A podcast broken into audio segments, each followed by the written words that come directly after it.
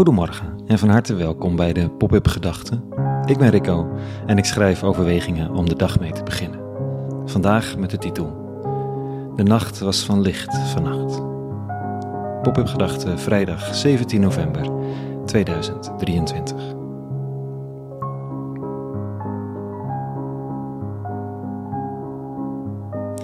Geen woord wordt gesproken, geen stem weer klinkt, geen enkel geluid is te horen.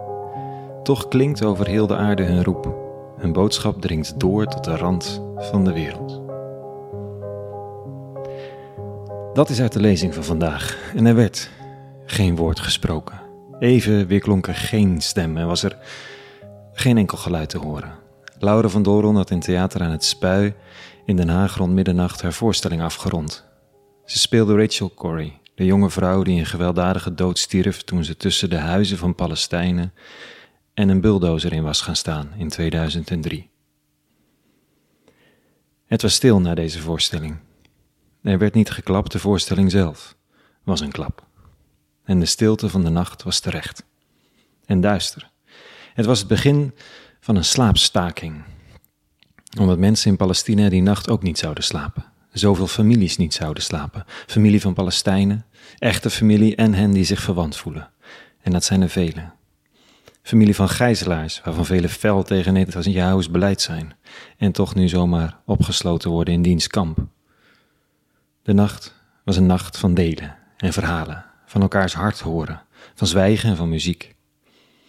Het ging niet over schuld of over oplossing, wel ging het over pijn en verdriet, over woede en over hoop. Geslapen werd er niet in het theater aan het spui, wel omhelst. Harten werden verruimd en licht werd gevonden in de werkelijke aandacht van de ander. Mensen zochten vrede met heel hun hart en bescherming voor kwetsbaren. Hadden ze dan allemaal een evenwichtig beeld van de situatie, deden ze recht. Niemand die dat van de ander verwachtte, omdat iedereen weet dat dit niet kan. Er werd geluisterd met de oren van het hart. En ik schrijf het hier een beetje met trillende vingers, merk ik. Niet eens van een slaapgebrek, want de nacht bood hoop en troost en liefde, maar kun je dit vertellen? Kun je hierover vertellen? Zonder elkaar te verliezen, ik weet het niet eens. De stilte spraken van nacht.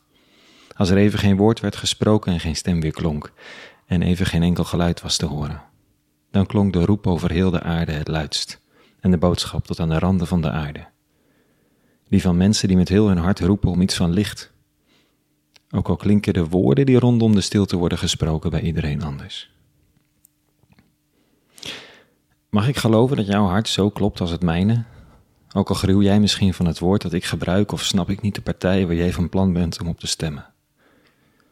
Dat we dat belangrijk, maar ook tijdelijk verklaren, omdat er onder alles één onhoorbaar hoorbaar geluid is te horen. Soms verwrongen door angst of verstopt in boosheid, soms vermengd met frustratie en vaak met kortzichtigheid.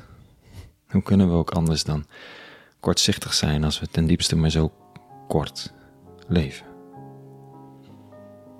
Ik hoop op God. En dat betekent dat ik hoop op vrede. En dat het de vrede van, van Christus is, dus dat hij dan komt door pijn heen en eenzaamheid. En door de vraag of je vrienden nog je vrienden zijn. En of er licht is aan het einde van de tunnel. En toch in en boven alles vrede. Tot zover vandaag. Een hele goede vrijdag gewenst. En vrede en alle goeds.